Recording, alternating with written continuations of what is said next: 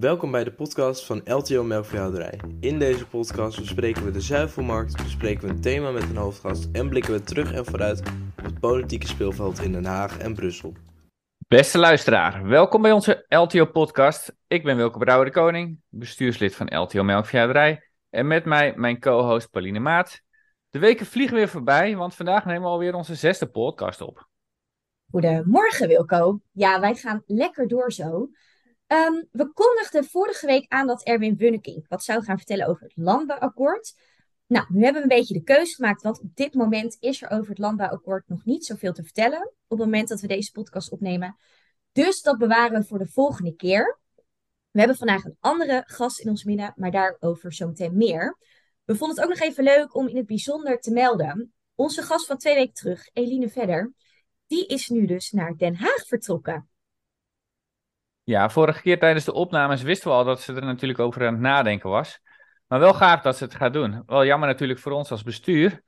En we zijn natuurlijk daar ook op zoek nu naar een nieuw bestuurslid. Dus ben jij melkveehouder en lid van de LTO?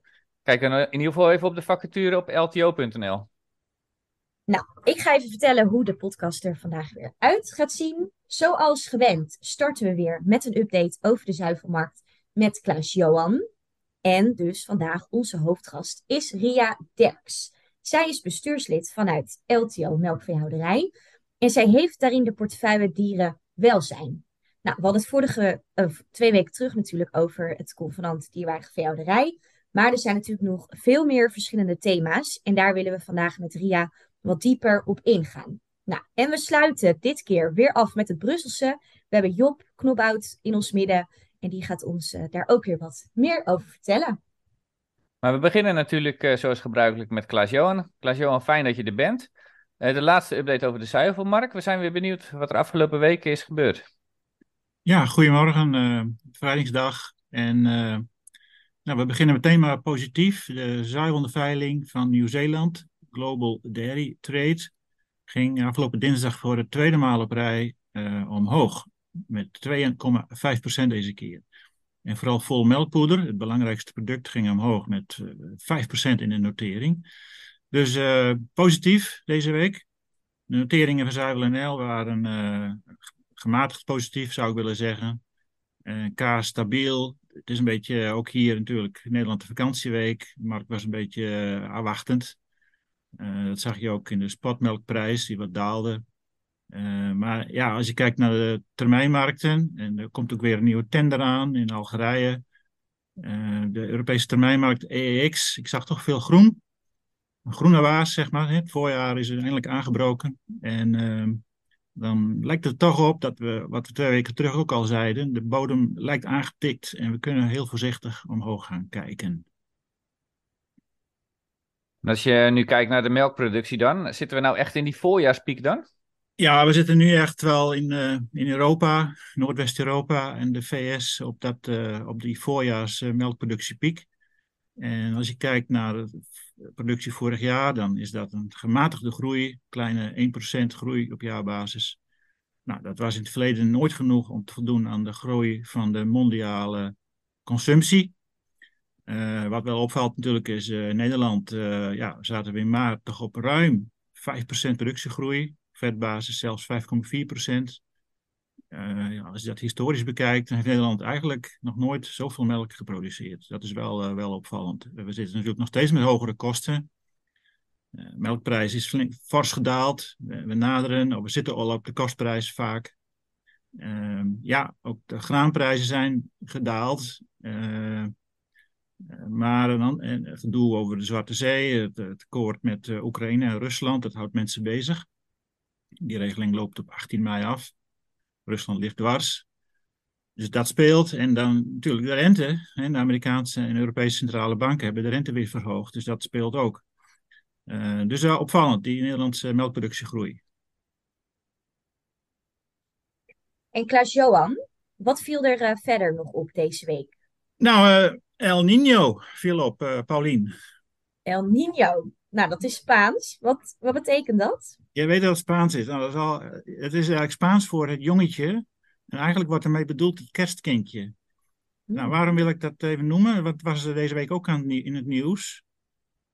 de meteorologen van deze wereld waarschuwden op 3 mei dat de kans groot is dat El Nino weer de kop opsteekt. Dat is een weerfenomeen. Uh, ik zal niet te veel details uh, uh, prijsgeven, maar het gaat eigenlijk over hè, de temperatuur van het water in een deel van de Stille Oceaan. En dat gaat zich weer laten gelden richting het einde van dit jaar. Vandaar ook die naam, dat kerstkindje.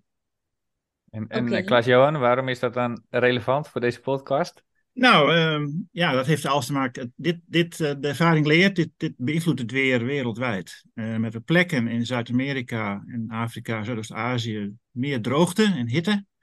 En op andere plekken weer te nat weer. Bijvoorbeeld in delen van de VS. En ik kan je wel vertellen, uh, ik heb er wel, ben wel in die situation rooms geweest met zuivelmarktanalisten. Hebben ze een stuk of vier, vijf schermpjes voor hun neus. En er is altijd één schermpje bij met het laatste weerbericht. Men volgt dit op de voet. En dat heeft grote invloed op het sentiment. Ja, en de meteorologen zeggen de kans op een El Nino dit jaar, eind dit jaar op naar de 80%. Dus dan kun je zeggen, ja, het komt eraan. Dus dat heeft eigenlijk nu al invloed op uh, het sentiment in landbouwmarkten. Dus ook in de zuivelmarkt. Nou, wat interessant. Nou, ja. en daarbij hebben we ook uh, weer wat geleerd, denk ik zo. En wat hebben we nog meer deze week? Nou, uh, het, het, thema van deze week is eigenlijk, behalve natuurlijk El Nino, uh, de biologische markt. Daar wou ik ook een paar dingen over kwijt. Want het is nogal politiek ook. In Europa hebben we een Green Deal. De Green Deal heeft als doel dat we in 2030 op 25% van de grond biologisch boeren. Ehm, misschien is het goed om daar even iets over te zeggen. In Nederland zitten we nu op zo'n 2,5% biologische melkproductie. En ongeveer 300 miljoen kilo melk per jaar dan groeit dat wel, maar halen we ook die 25% van, van Brussel? Nou, minister Adema denkt alvast van niet, want uh, hij heeft een actieplan gelanceerd voor de biologische landbouw, waarin hij mikt op uh, eh, 15% in 2030 en uh, een tussendoelstelling 6% in het huidige gemeenschappelijke landbouwbeleid in 2027. Is dat haalbaar? Dat is de vraag. Nou, ik heb even wat zitten kijken naar de cijfertjes. We zitten nu in Nederland op een biologisch areaal van 80.000 hectare. Ongeveer 4%. Dan moet je, eh, even wat getallen hoor, sorry mensen, maar dan ga je dus naar ruim 100.000 hectare in 2027. En dan moet je in 2030 op 270.000 hectare zitten. Om dat te halen heb je dus wel zo'n 30% groei nodig per jaar. Is het realistisch? Nou, ik denk van niet. Er is wel groei. Afgelopen jaar in de Nederlandse retail ruim 3% groei, 3,6%. Dat is natuurlijk prima. Maar dat, die doelstelling is, die halen we niet. En uh, ja, het moet ook heel duidelijk zijn, als die markt niet groeit, kun je ook niet van boeren vragen om over te schakelen. En dat is, uh, denk ik, uh, misschien goed om eens een keer naar voren te brengen. Ik moet ook zeggen, corona heeft ook wel enorm invloed gehad op biologisch. En het heeft een boost gehad. maar we hebben ook gezien dat nu met de voedselinflatie, dat de consument ook weer wat kritischer wordt op de uitgaven. En ja, dat heeft ook denk ik wel invloed op die markt voor, voor duurzamere en biologische producten. Dus dat wou ik even kwijt, Pauline Wilco, over biologisch deze keer. Nou, Klaas-Johan, even samenvattend. Jij zegt dus, uh, het areaal moet 30%, omzet, uh, 30% groeien per jaar. En de supermarkten groeien maar 3,6%. Kan ik dat zo één op één met elkaar vergelijken? Daar heb je keurig samengevat, uh, Wilco. Ja. Ja, nou ja, daar kunnen we allemaal ons eigen ding van denken, zullen we maar zeggen. Nou, Klaas, jou in ieder geval bedankt voor uh, de, de weekupdate van deze week. We krijgen ook weer veel uh, positieve feedback over jouw update altijd. Nou, dan gaan we nu uh, door naar onze hoofdgast. Uh, dat is vandaag uh, Ria Derks. Ria, in ieder geval fijn dat je er bent. Kun jij jezelf eerst even voorstellen? Ja, dankjewel. welkom. Mijn naam is Ria Derks, melkveehouder in Bandga en sinds 2019 lid van de vakgroep. Met het dossier dierwelzijn sinds Eline naar de Tweede Kamer is vertrokken. En ik had eerder al het dossier diergezondheid en dat even een aanvulling op wat Pauline net zei. Nou, goedemorgen Ria. Fijn dat je er, uh, er bent in onze podcast vandaag. Nou, zoals je net vertelde, inderdaad, jij hebt de portefeuille dierenwelzijn en je had al dierengezondheid. Nou, nou hebben we het inderdaad twee weken terug gehad over uh, dat convenant. Maar welke thema's spelen er eigenlijk nu zoal binnen deze twee ehm, nou ja, onderwerpen? Ja, nou, ik heb het thema wat ik even noem, einde carrière dieren. Dat is een term die wij eigenlijk in de melkveehouderij helemaal niet gebruiken. Maar die ik en uh, alle mensen die betrokken zijn bij diergezondheid in de communicatie naar de samenleving, naar de politiek, naar het ministerie, maar ook naar de NVWA gebruiken om aan te geven dat wij koeien aan het einde van hun carrières hebben langdurig melk voor ons geproduceerd, op een verantwoorde manier willen afvoeren naar, uh, in meestal is dat een slachthuis, uh, waar ze uiteindelijk nog een heel goed doel dienen, namelijk ze zorgen voor een lekker stukje vlees. Nou, met die einde carrière dieren, daar zijn we eigenlijk al een aantal jaren toch wel een beetje aan het stoeien. In die zin dat we zo nu en dan signalen krijgen dat er dieren worden getransporteerd, ofwel naar de slachthuizen, dan wel naar het buitenland die eigenlijk uh, uh, in hun welzijn daarbij wat bedreigd worden. Dat wil zeggen dat ze of te veel stress ervaren, of dat ze tijdens een transport de, de klachten die ze hadden als gevolg van de ouderdom, ja, dat transport eigenlijk te veel voor ze is.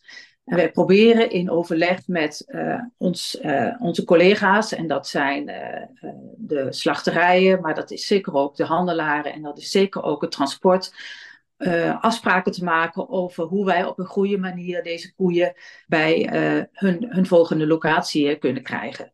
En wat zijn dan de grootste uitdagingen als je kijkt naar dat hele traject?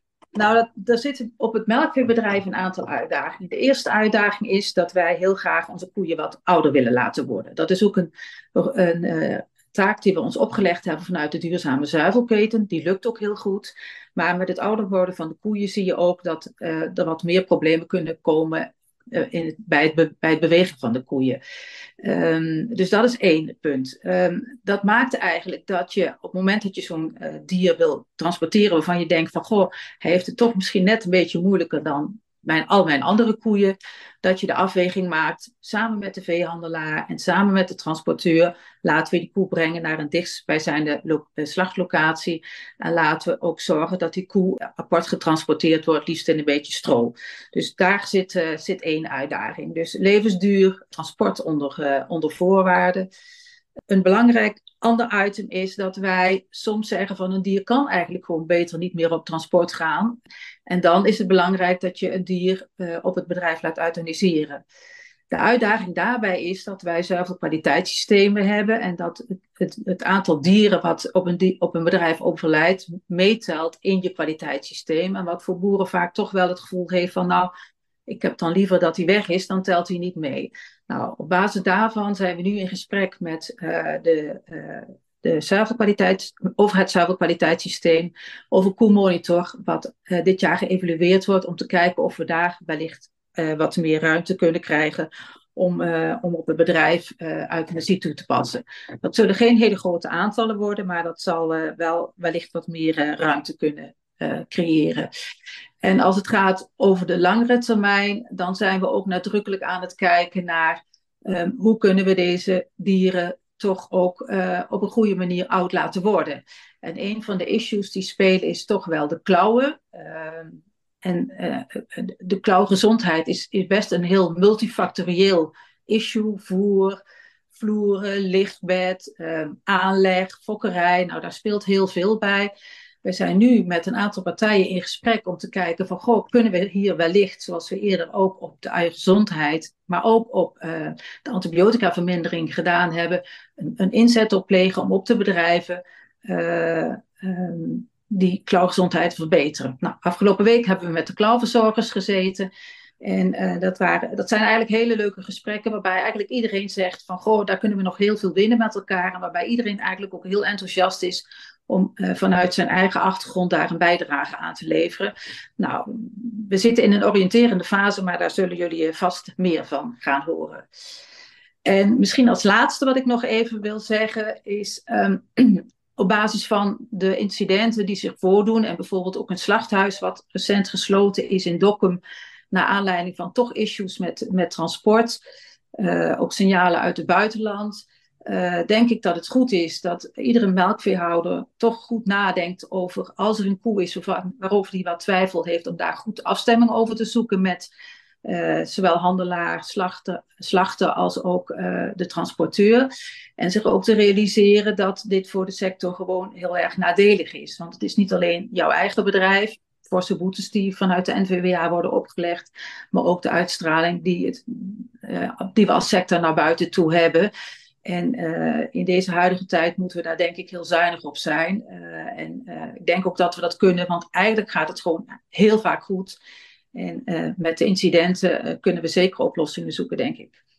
Ja, want Ria, midden april mm. hebben wij als LTO nou ja, een persbericht ook naar buiten ge gedaan. En de titel was De schaduwzijde van het nieuwe exportbeleid voor het dier.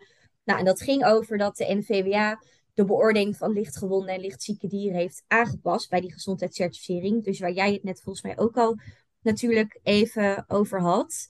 Um, maar dat is best wel ingewikkeld, want als die dieren langer nou ja, dan op het bedrijf moeten lopen, is dat in feite ook ongewenst. En komt daarbij natuurlijk ook het dierenwelzijn in het geding. Dus hoe zijn jullie dan als, als LTO-vakgroep um, daarmee bezig of in gesprek?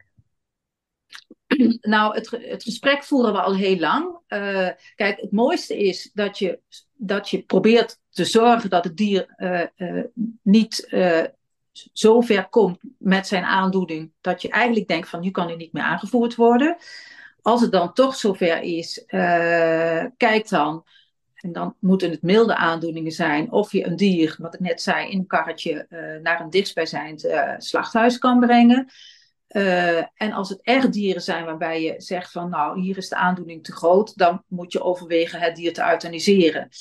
Uh, wij zijn op dit moment nadrukkelijk met de NVWA ook in gesprek om te voorkomen dat met het aanscherpen van de eisen op transport het, probleem niet te verplaatsen naar de erven.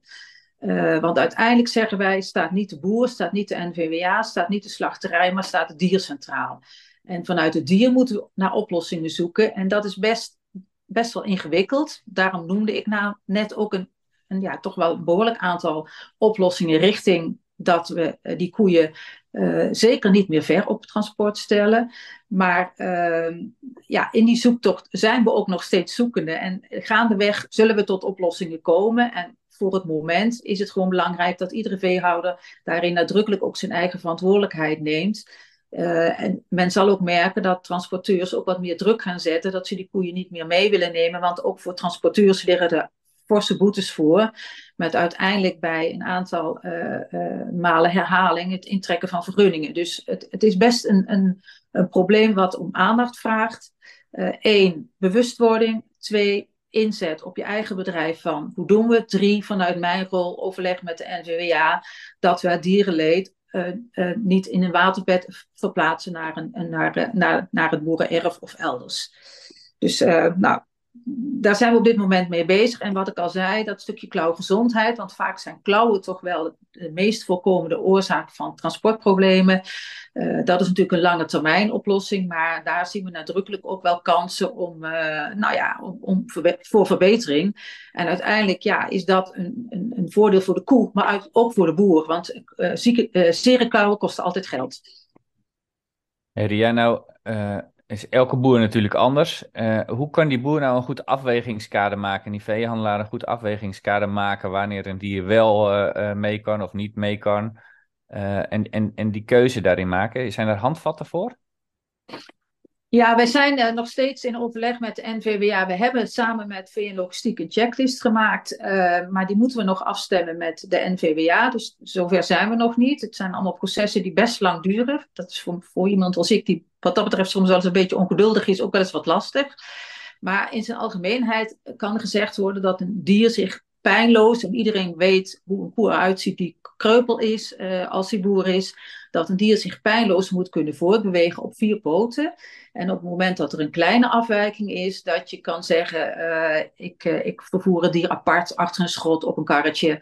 En, en als de afstand dan niet zo groot is, dan, dan, dan, dan kan dat ook. En dan ook te voorkomen inderdaad dat je het probleem niet verplaatst naar elders of het erger laat worden op het bedrijf waar het dier zich bevindt.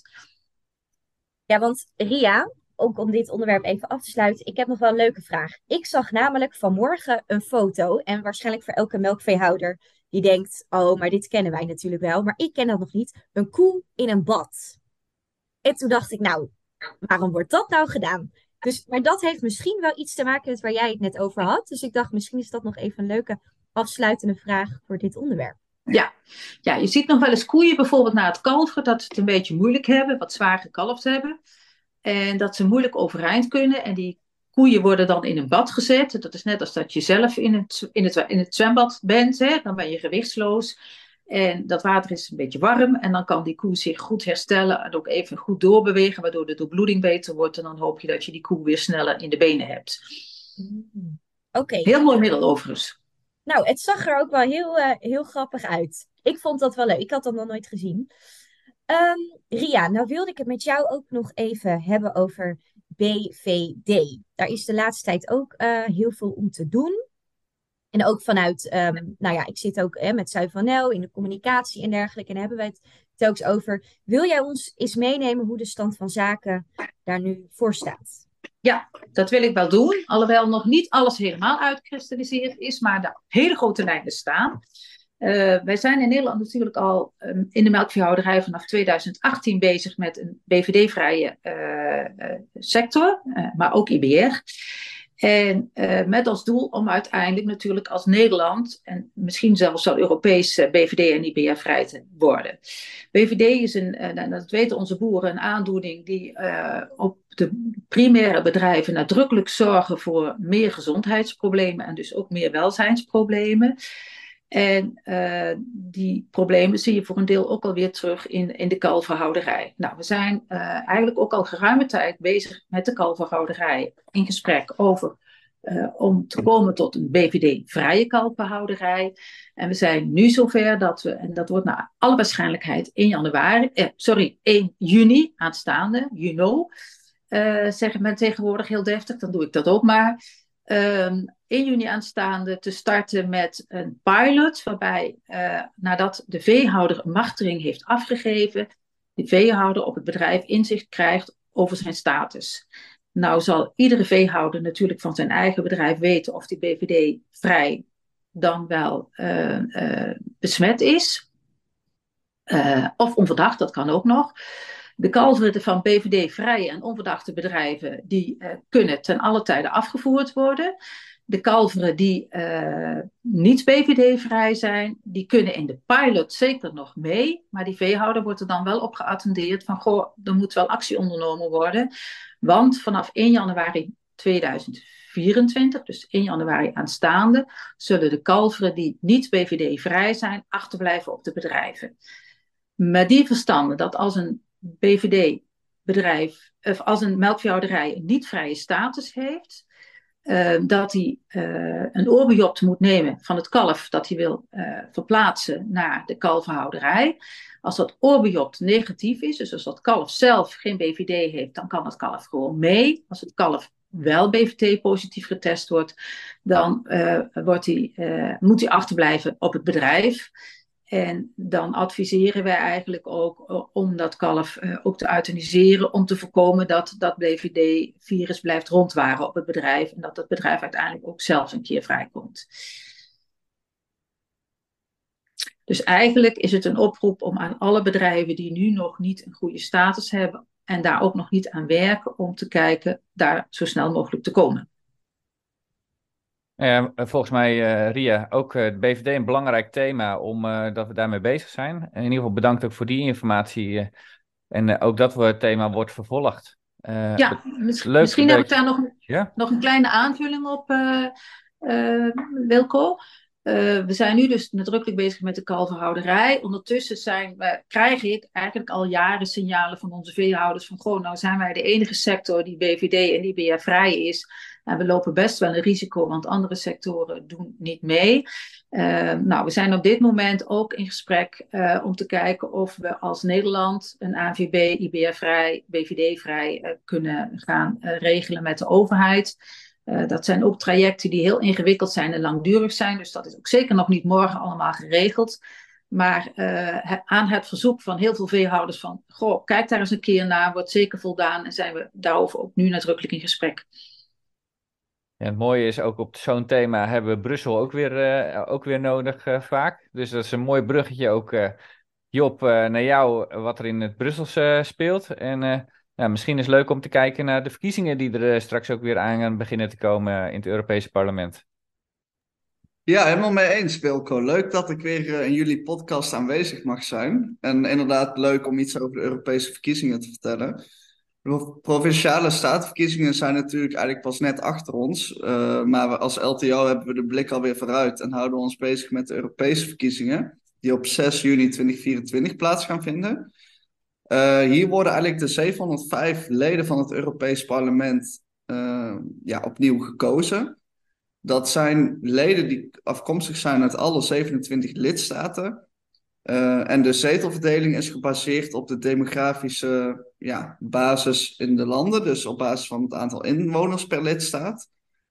Om de ja, echte democratische basis dat het lidstaat het aantal leden heeft naar gelang het aantal inwoners en niet op basis van bijvoorbeeld economische pijlers of grootte. Op basis van deze verdeling heeft Nederland momenteel 29 leden in het Europees Parlement. Alleen door Brexit worden dat er meer, dus we gaan 31 zetels krijgen. Deze 31 leden bevinden zich in verschillende politieke fracties. Um, dat kun je eigenlijk vergelijken met politieke partijen zoals wij die in Nederland kennen. Dat zijn er in Europa zeven. Van links naar rechts zal ik heel snel doorheen gaan. Is dat de Left, de Greens, SND, Renew, de EVP P, ICR en ID. Uh, een aantal leden van het Europese parlement zijn ook onafhankelijk en zitten dus niet bij een van deze zeven fracties. Maar dat zijn wel de grote, grove lijnen die het uh, parlement eigenlijk verdelen. Ja, uh, en doordat er Ja? Oh, um, als wij natuurlijk dan stemmen, jij, jij noemt net die, die partijen, nou die zijn natuurlijk bij ons in Nederland helemaal niet bekend. Maar als ik het nou hè, als wij zo meteen volgend jaar gaan stemmen, dus we stemmen op, op nou ja, hè, noem maar wat, P van de A, VVD, CDA, stem ik dan wel alsnog dus dan op een VVD, CDA, P van de A, of stem ik dan op die partij die daar dan bij hoort? Nee, je stemt op de Nederlandse partijen en de Nederlandse kandidaten. Um, en die zijn vervolgens weer aangesloten bij zo'n Europese fractie. Um, als jullie het leuk vinden, kan ik ook vertellen welke partijen bij welke fracties zitten Europees. Maar dat kunnen we ook nog een uh, andere keer uh, behandelen. Nou, uh, volgens mij ook heel interessant van welke partijen dan gezamenlijk bij elkaar in Brussel komen. Die hier misschien verschillende standpunten hebben. Zeker leuk om te weten. Helemaal goed, dan ga ik daar snel doorheen. Mogelijk dat ik een uh, enkele partij uh, mis, maar dat moet u me dan maar vergeven. In de left, dus de meest linkse partij, zit de Partij voor de Dieren. Bij de Greens zijn uh, GroenLinks aangesloten. Bij SND, Social Democrats, zit PvdA. Bij Renew, Liberale Partij, zitten zowel de VVD en D66 aangesloten. Dus die werken Europees op grote lijnen eigenlijk samen. Dat, ik denk dat dat misschien ook niet bij iedereen bekend is. Dus dat is wel een interessant feit. Bij de EVP, dat zijn de Europese Christendemocraten, is CDA aangesloten. En tegenwoordig ook de ChristenUnie. Uh, ECR, ICR zijn de conservatieven en de reformisten. Daarbij zit SGP aangesloten. En Bert-Jan Ruijs is daar momenteel uh, Europarlementariër. En bij ID zit de PVV en FVD aangesloten. En uh, eh, BBB is natuurlijk ook een belangrijke partij uh, in Nederland uh, geworden. En wordt het ook misschien nog wel straks nog veel meer. Hoe, bij welke partij zitten die dan? En hoe komen ze dan bij zo'n partij? Nou, het interessante is dat die nog niet voor zo'n Europese fractie gekozen hebben. Um, dus die zijn nog vol bezig om te bepalen welke fractie ze eigenlijk aan willen sluiten. Welke fractie dat is, weet ik uiteraard niet. Dus daar kan ik niks over zeggen. Maar wel interessant om te zien van welke fracties zij gaan kiezen, omdat dat ook wel uh, ja, de Europese lijn ook wel gaat beïnvloeden. Dus uh, dat volgen we ook met heel veel interesse. En ik wilde ook nog toevoegen dat LTO, ook gezien het belang van Euro Europa en Europese wetgeving, ook Europese verkiezingsdebatten gaat organiseren. Om de verschillende standpunten van alle partijen in kaart te brengen. Maar ook om boeren eigenlijk ja, het belang van deze verkiezingen duidelijk te maken. Nou Joep, dat is toch wel even handig om dat, eh, om dat zo te weten. Ik merk altijd wel met die Europese verkiezingen dat wij in Nederland dan altijd denken, nou dat is toch een ver van mijn bedshow. Maar als we dan toch weer beseffen, en zeker voor de agrarische sector, dat al het beleid vanuit Brussel komt en dat natuurlijk door wordt vertaald in Nederland, dan zou je misschien wel kunnen zeggen dat die verkiezingen nog wel belangrijker zijn. Of zie ik dat dan verkeerd, Job? Nee, dat zeg je helemaal goed. 70 tot 80 procent van de wetgeving die in Nederland geïmplementeerd wordt, komt vaak ook uit Europa. Uh, dus ja, ik wil de, de leden ook vooral oproepen om dat echt niet uh, te onderschatten. En ook vooral um, de kritiek die mensen op Europa hebben, laat die vooral gelden bij je stem. En stem dus ook vooral. Ja, ja. Nou ja, Job, in ieder geval superleuk. Je zou denken, het duurt natuurlijk nog, uh, nog een jaar, maar het is goed om daar uh, nu al bewust van te zijn. En het is, uh, nou ja, denk ik leuk dat we met de podcast ook, um, nou ja, de campagnes ook een beetje gaan volgen. Zometeen die debatten komen er inderdaad aan. Daar, um, wanneer de lijsten en dergelijke allemaal vastgesteld zijn. Dus ik zou zeggen, nou ja, we, we blijven op de hoogte. Ik wil uh, iedereen hartelijk danken die vandaag uh, bij deze podcast was. Klaas-Johan, Ria, Job, dank jullie weer wel voor, de, voor jullie input. Over twee weken zijn we er weer. En als het goed is, dan met Erwin Wunnekink. En gaan we het hebben over het landbouwakkoord. Dan zal er inmiddels hopelijk uh, meer duidelijk zijn. Nou ja, dit en nog veel meer horen jullie weer over twee weken. Tot dan. Tot over twee weken.